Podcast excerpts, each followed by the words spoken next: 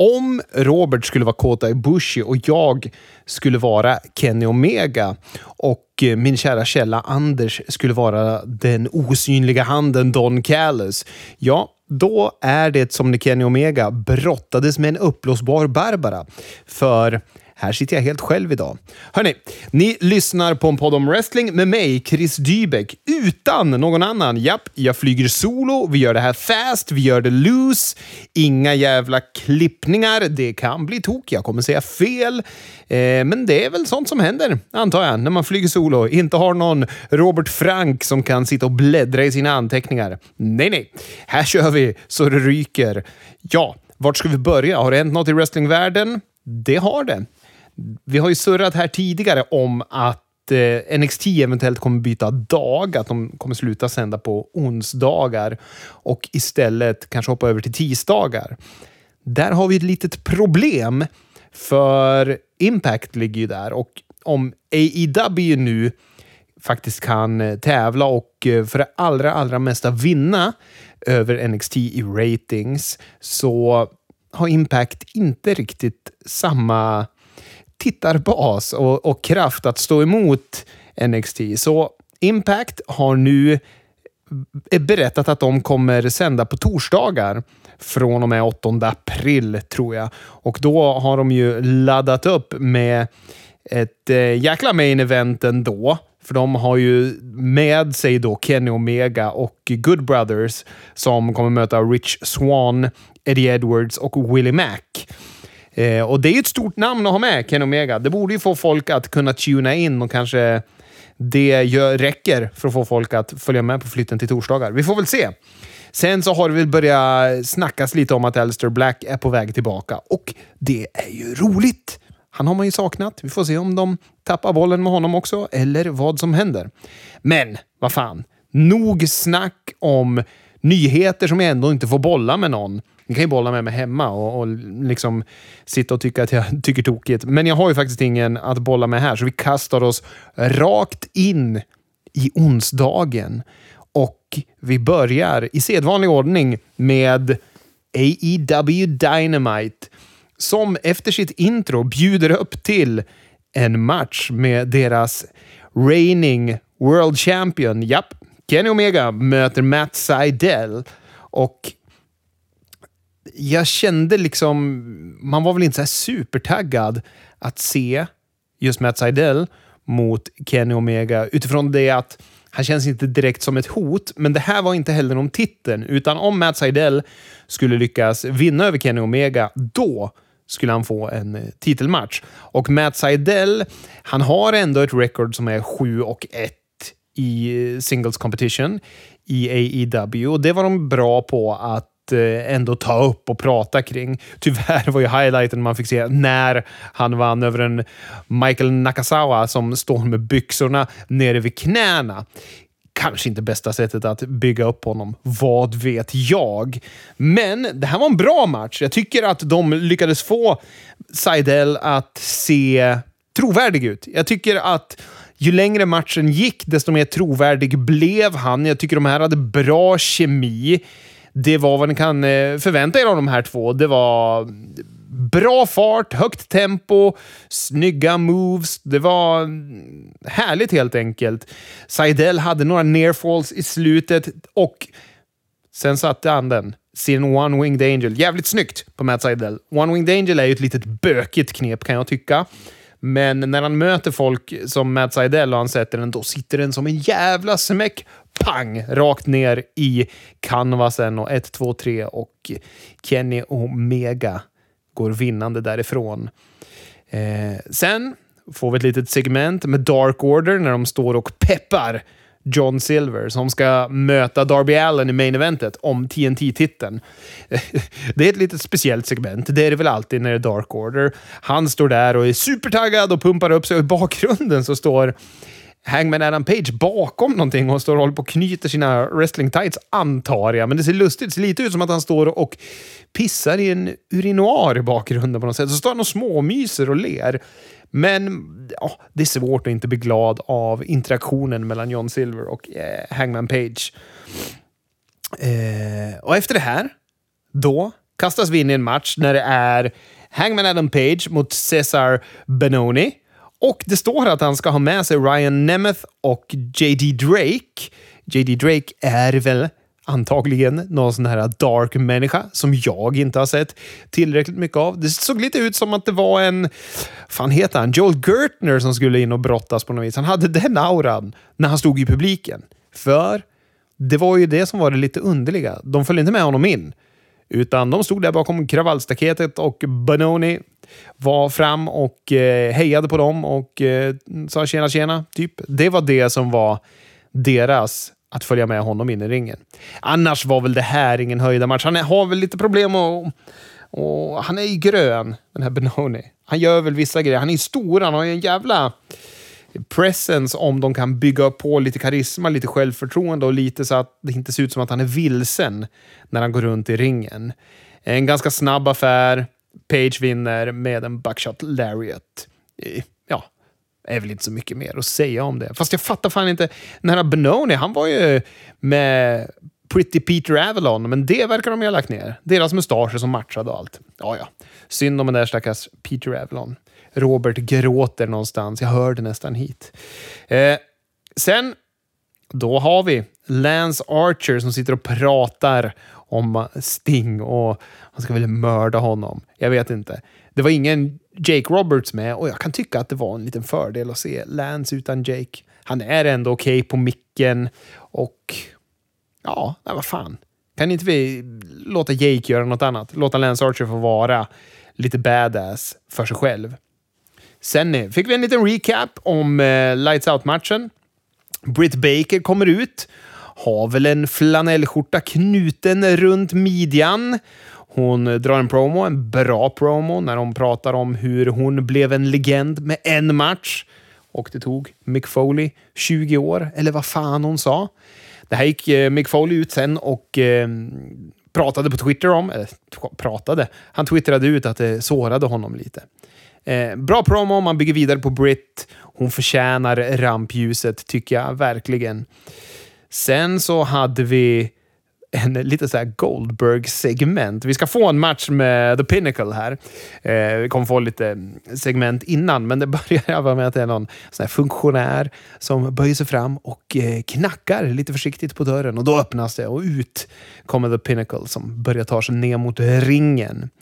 Men innan vi får se dem, då får vi faktiskt se Christian stå och eh, surra med Brian Pillman Jr., Griff Garrison och en av Top Flight-killarna. Kan det ha varit Dante eller vad fan han heter. Jo, men det var det va.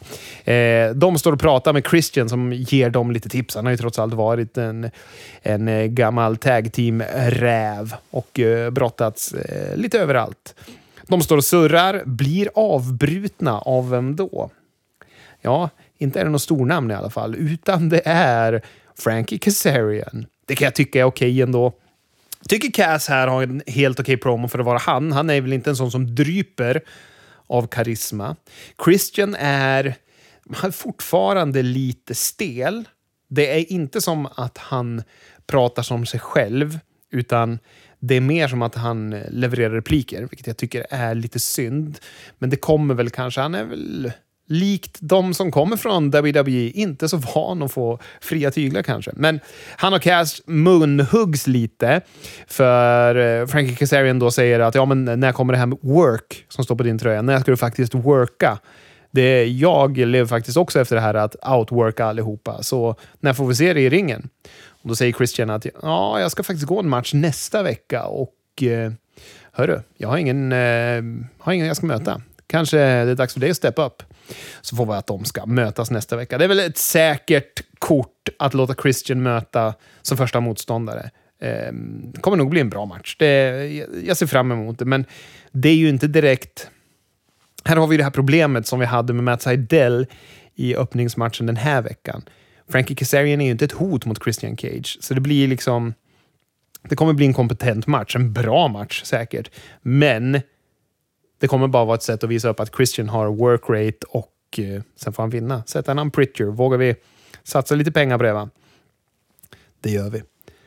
Och här hör vi då, efter den här promon, efter reklamen, då kommer vi tillbaka till Four Horsemen. Ja, nog fan låter det som det på musiken i alla fall. Det är den här klassiska släpande gitarrsolot över den här långsamma melodiska rocklåten.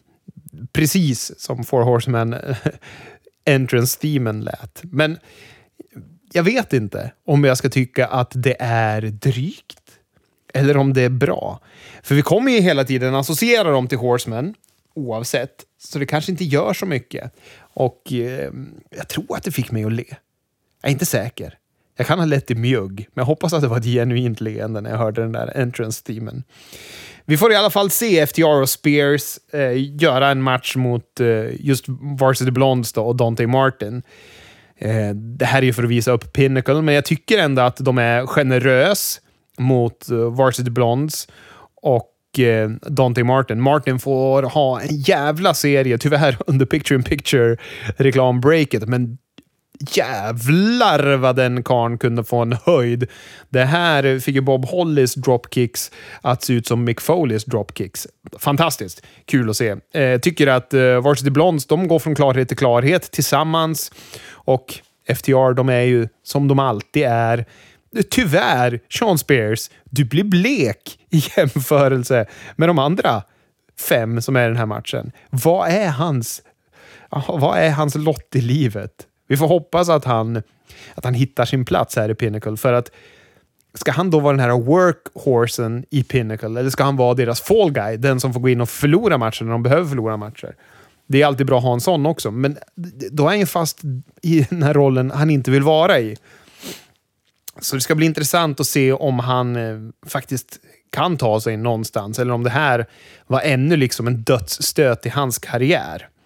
Efter matchen då får vi ha lite, lite mic work från FTR och eh, MJF får också prata. De fortsätter sin, sitt bygge mot Inner Circle och eh, det är bra.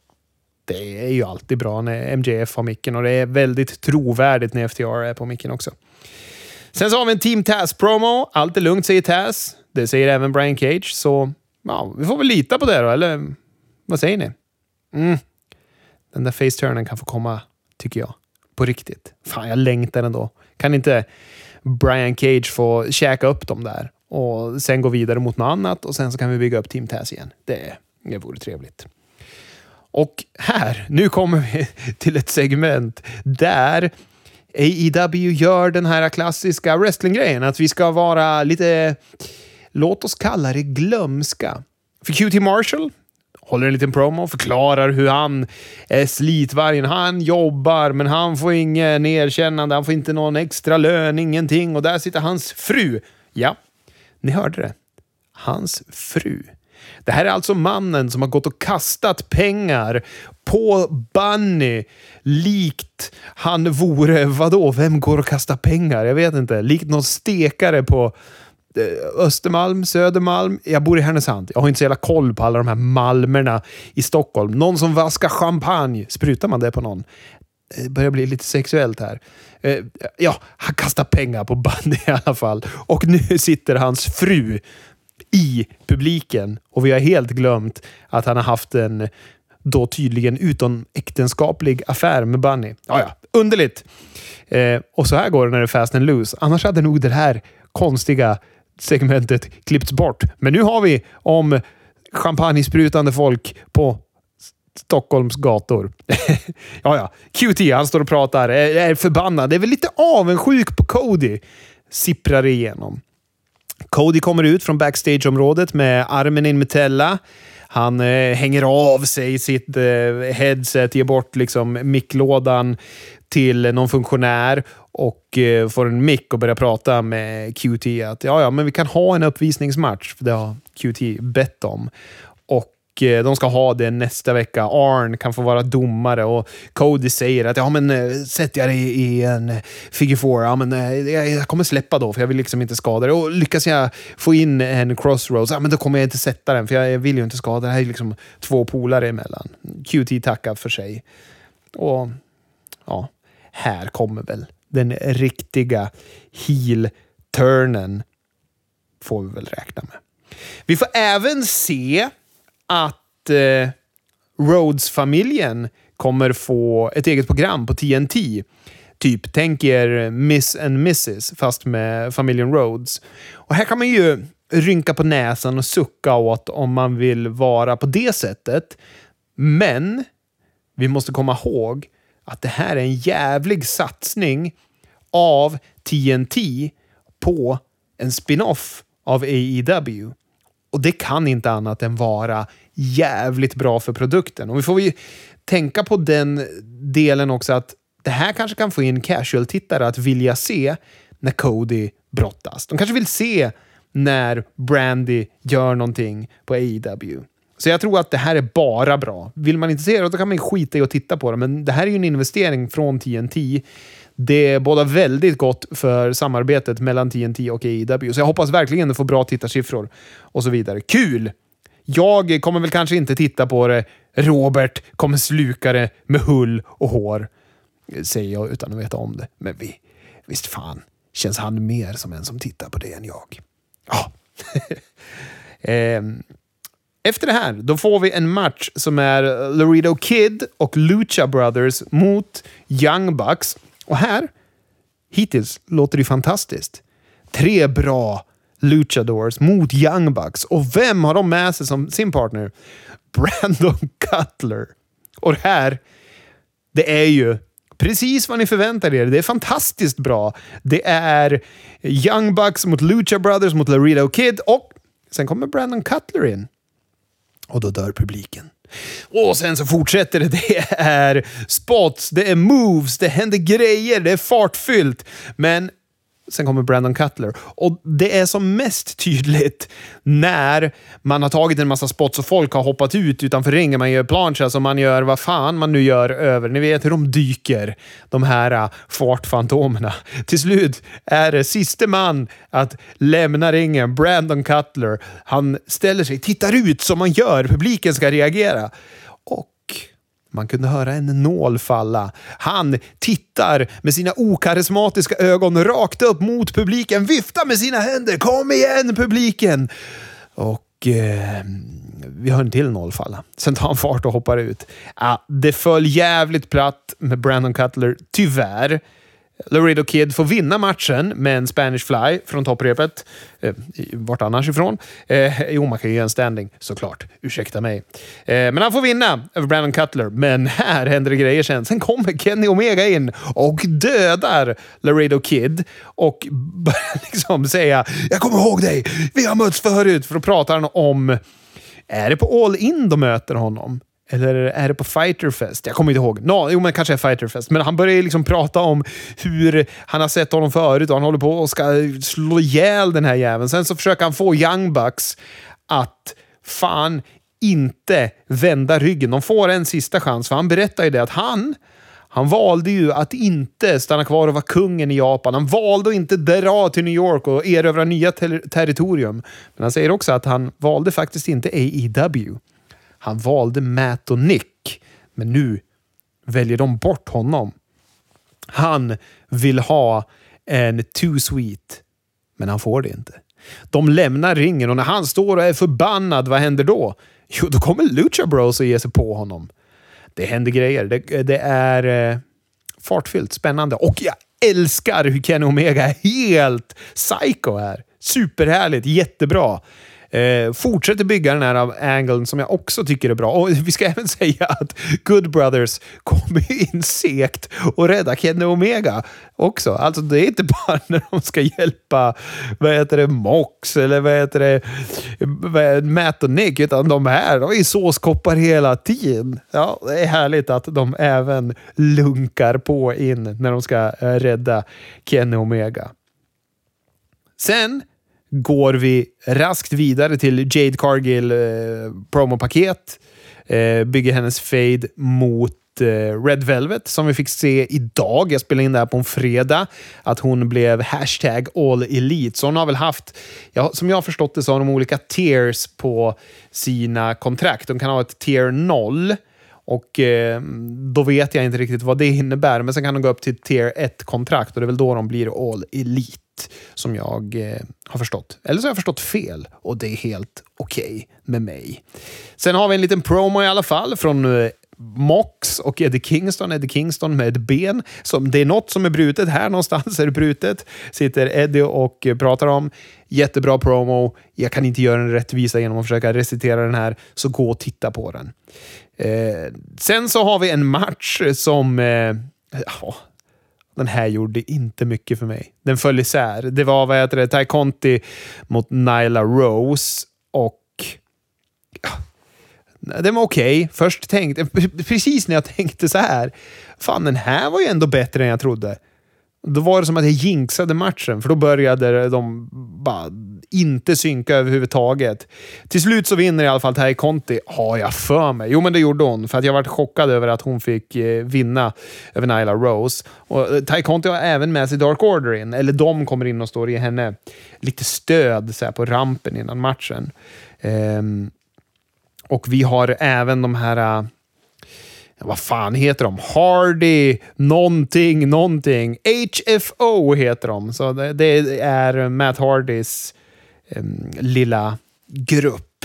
De eh, börjar bråka med Tai Conti och Dark Order börjar bråka med dem. Eller? Nu kanske jag hoppar, nu kanske jag blandar ihop. Det kan vara så att det här sker i main eventet. Vi spar det dit. Det känns som att det är då det sker.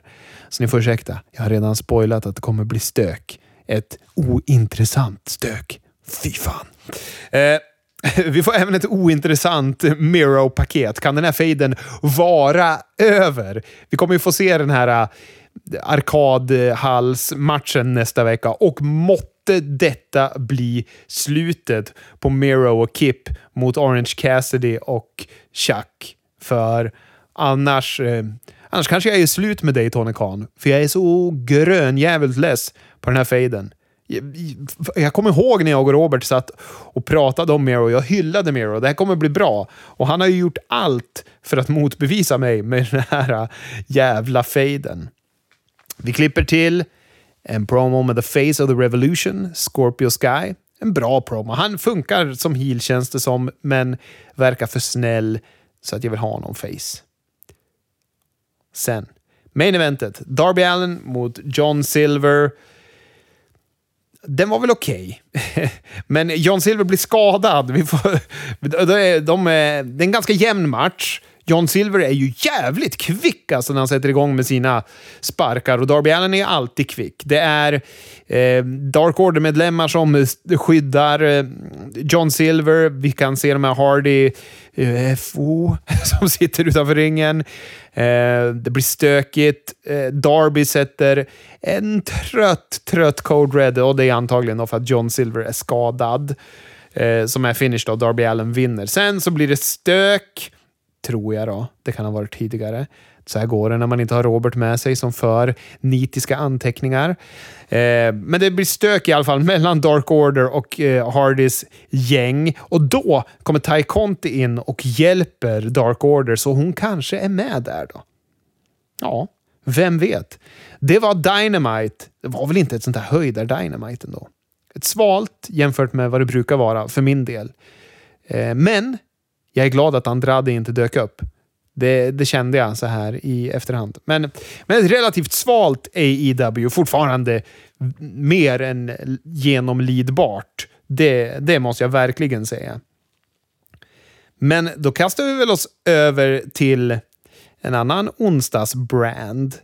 Och NXT börjar med en match mellan eh, Gonzales och Kai då, mot Eh, Zoe Starks, heter hon va? och Io Shirai i en match som får mig att känna att eh, Starks kommer leverera fin, fina matcher om hon bara får bygga sin karaktär och eh, sin ja, men sin erfarenhet lite. Jag tycker hon levererar riktigt bra här. Hon får mycket utrymme. Det är hon som får vara den som bumpar och så åt facen. Io Shirai ser stencool ut. Dakota Kai får ju också vara en sån som jobbar. Dakota Kai och Starks de får ju slita mer här och eh, bli spöade. Eh, Gonzales ser ju brutal och bra ut. Får vinna med sin så här eh, enarmade chokeslam, som om man brukar göra dem med tvåarmade ja, ni vet hur det blir. Man flyger solo. Jag brottas här med en Barbara. Vad förväntar ni er? Jag kan inte alltid komma ihåg att man gör en chokeslam med en arm, men nu gjorde jag det. Eh, ja, eh, kul att eh, Heelsen får vinna. Det bygger, bygger bra inför stand and deliver när det ska vara Gonzales mot Dakota Kai. Det gillar jag. Sen får vi se något som hände igår. Och vi kommer komma mer saker som hände igår. De verkar ha en, en väldigt eventfull tisdag. Är det för att de peggar upp för att de ska byta dag? Att det händer mycket på tisdagar? Vi får i alla fall se att Cole anländer till Performance Center och attackerar O'Reilly när han håller på och tränar. Sen får vi se O'Reilly backstage. Roderick Strong kommer och försöker bygga lite broar eh, med sin forna polare. Eh, O'Reilly vill inte ha något med det att göra. Strong svär, drar därifrån. Sen får vi se LA Knight gå runt backstage. Likt Ragnar Skanåker tänkte jag säga. Är det skytten eller är det karaktären i Strul? Jag kommer fan inte ihåg. Nu håller det på att barka ut. Men det är någonting med LA Knight. Så här. Jag reflekterade över för när jag, han kommer gå en match här sen också senare, men jag reflekterade över det. Han kan ju inte vara duvung och det är han inte. Han är 38 år. Eh, och visst, han, har ju, han kanske håller på att närma sig sin prime, men han måste fan bort från NXT fort om han ska ha liksom någon karriär i WWE. Och han har ju faktiskt varit här tidigare och varit eh, liksom så här bitplayer, alltså har spelat typ säkerhetsvakter och så i segment. Han var i den här ECW-branden och fick jobba i tagmatcher där och, och så vidare. Så, ja, jag vet inte. Vi, kommer även, vi, kan, vi kan prata mer om det när matchen kommer också. Sen så har vi Devlin som sitter och kör en liten promo och pratar om att det ska bli härligt att möta Kushida ikväll, men det är ju faktiskt Escobar som är på hans radar. Det är han han ser fram emot att spöa. Sen får vi då LA Knight mot Bronson Reed. Bråket om jackan, likt när Repo Man stal Bret Harts jacka och gömde den, så har ju Bronson Reed förstört LA Knights blåa jacka som gick sönder lite för tidigt i förra NXT-avsnittet. Här har vi en match där båda får in, de får kontrollera matchen, eh, olika delar liksom tycker att LA Knight ser bra ut. Han ser taggad ut, han hoppar så jävla högt när han gör någon sån shoulder tackle, när han slingshottar sig över repen så han nästan landar framstupa på ansiktet. Men, vet ni vad som händer här? Jo, Tsunami från topprepet. LA Knight Pang! Där slänger vi bort bollen med honom. Han förlorar alltså. Inte på ett pay-per-view, inte efter en lång uppbyggnad. Nej, han förlorar här mot Bronson Reed. Ja, kommer han ha en karriär? Eller när han skrev på kontraktet, skrev han ut sig från alla chanser att vara en main event player någonstans? Vi får väl se. Sen hade vi Carrion Cross mot Oney Lorkin i en match som jag trodde skulle vara supersnabb. Det var den inte. Only Lorkin fick faktiskt eh, brottas med Carrion Cross. Det var en eh, bättre match än jag trodde. Det kanske var just att eh, Only Lorkin fick vara med och brottas. Eh, men han gör ju en Saido suplex och sen så gör han sitt nackslag. Jag vet inte om de har sagt att det heter något Eh, speciellt. De säger att han sopar på han. Så att eh, för närvarande får det heta nackslag.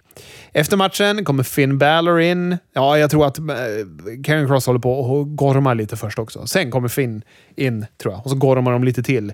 Bygger upp inför deras match på Stand and Deliver Takeover. Då. Sen har vi vad heter han? Den här killen som dricker te. Just det, William Regal. Ni hör, när man inte redigerar, då blir det såna här briljanta brain freezes. Men ja, vi har William Regal som eh, presenterar att nästa vecka så kommer vi få en 12-man Battle Royal.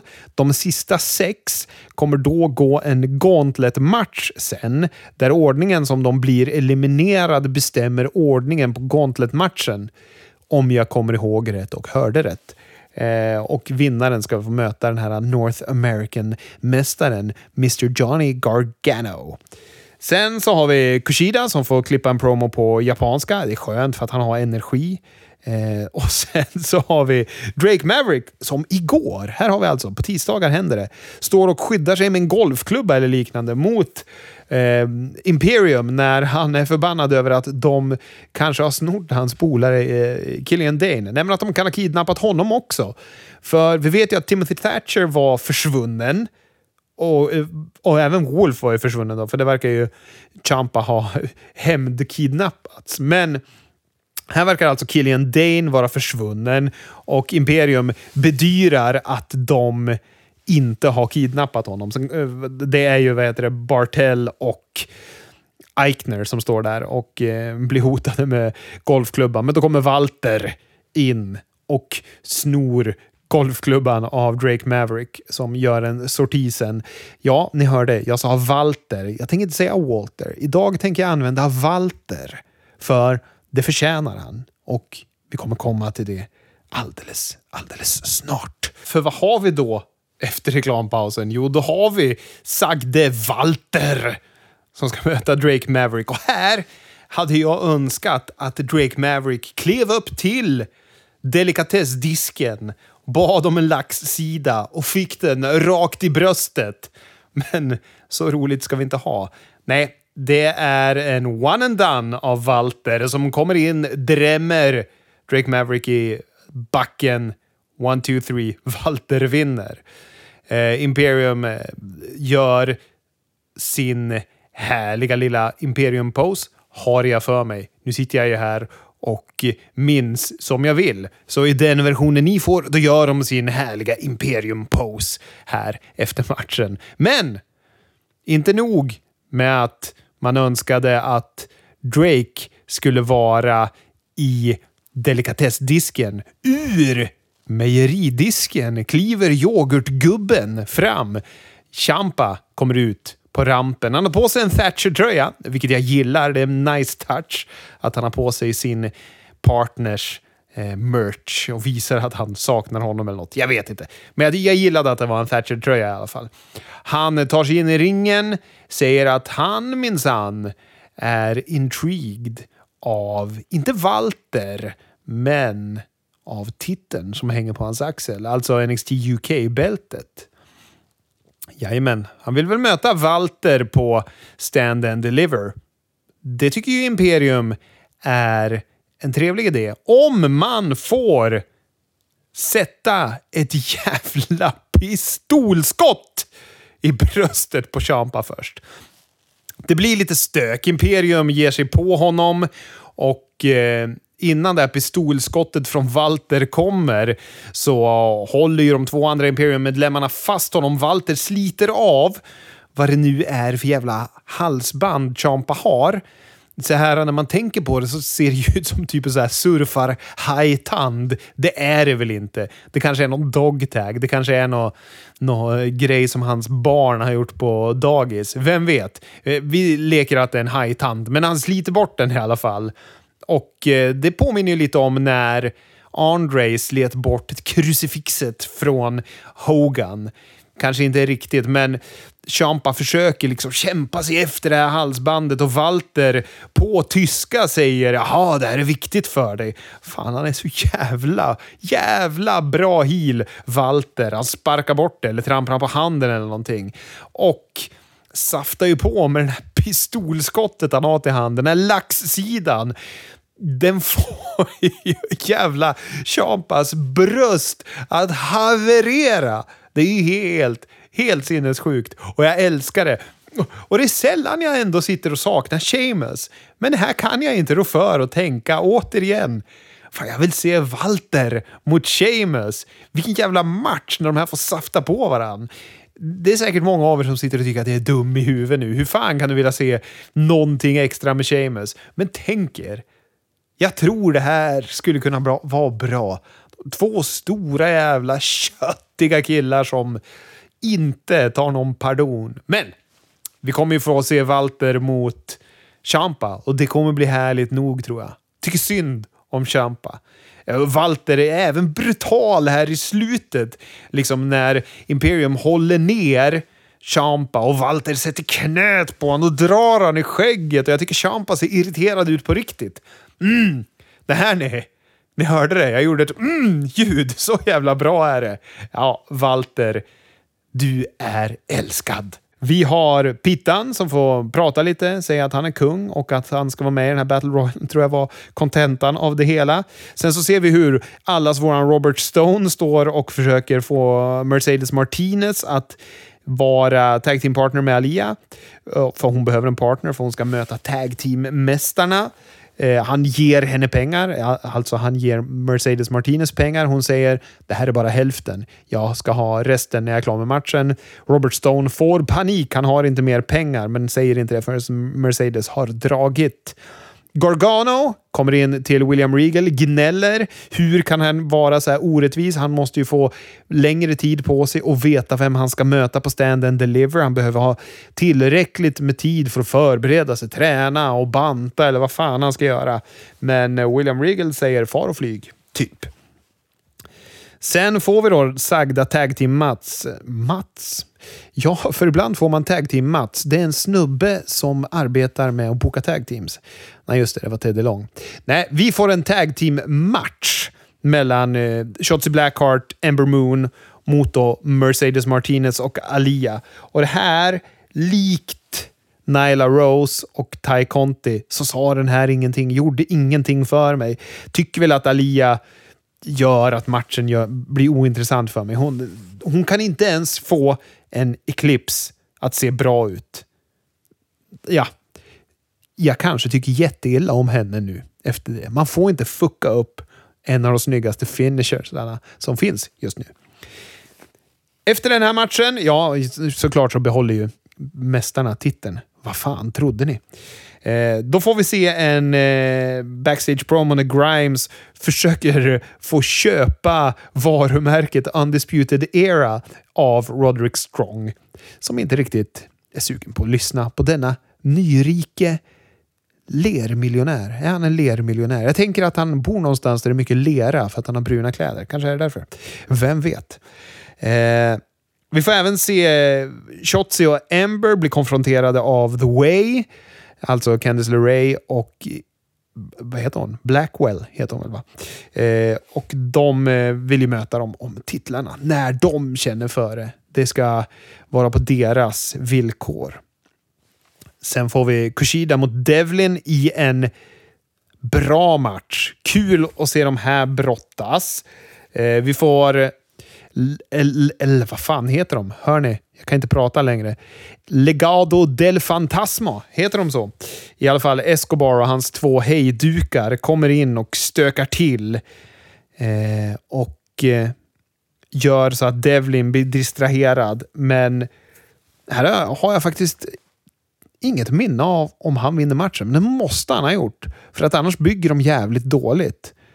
Och överraskar mig. Så jag tänker eh, ta en risk här att mitt minne till trots, utan att eh, riktigt se när domaren räknar 1, 2, 3, säga att Devlin vann. Eh, och att efteråt så kommer då eh, den här jävla Escobar in och ska mucka med honom och slåss. Och de här eh, Legado del Fantasma, vilka tjuvar. Men vad händer?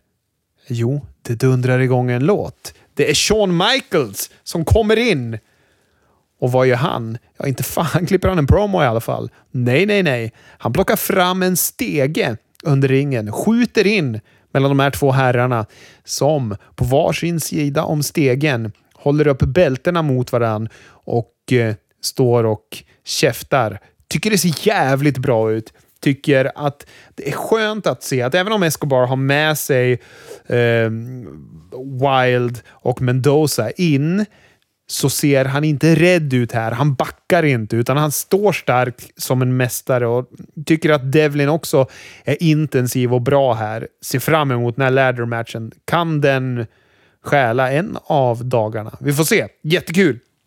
Roligt att se HBK komma in också. Sen så gör de ju så att där de hade kunnat sluta med en bra match mellan Kushida och Devlin och en surprise av att HBK kommer och skjuter in en steg i ringen och de här två mästarna står och käftar. Vilket sätt att sluta showen på! Men istället, då har Bruce Pritchard faxat ett litet brev ner till NXT och sagt det här med kontraktskrivningar, det, det är ratings det. Så ja, sista segmentet på NXT den här veckan, det är kontraktskrivning mellan Cole och O'Reilly. Och i ärlighetens namn så är den inte lika dålig som jag fick det att låta. De är intensiva, båda två. Cole låter fan mordisk när han klipper promon om hur han ska förgöra O'Reilly. Och O'Reilly, han är mycket bättre på micken än vad jag förväntar mig varje gång. Visst, han är väl ingen Eddie Kingston, men vem fan är det? Jag tycker att de har byggt det här väldigt bra. Det känns som det är genuina känslor. Jag längtar till den här matchen. Men tycker ändå det hade varit schysst att ha förtroendet och sluta med Escobar och Devlin. Att låta det vara med Shawn Michael som skjuter in stegen. Jag kanske har fel, men det är ingen som sitter här och säger emot mig. Så, håller ni inte med mig? Dra åt helvete! Nej, så är det inte. Nu har ni fått höra onsdagarnas shower. Lite, lite, lite nyheter i början. En hel del felsägningar och eh, tyvärr bara jag som maler på. Men frukta inte! Till påsk, då fan ska Robert Frank sitta här med mig och hålla med mig, säga emot mig, vurma, ha det härligt, var förvirrad över mina konstiga Bolivia-säckar. Ja, ni vet. Ett vanligt klassiskt härligt avsnitt. Men nu jävlar tänker jag säga hej då. Hörni! Det här har varit en podd om wrestling. Varför säger jag så? Jag förstår varför Robert tycker det är svårt att säga adjö. Så vad fan. Ha det gött! Vi hörs!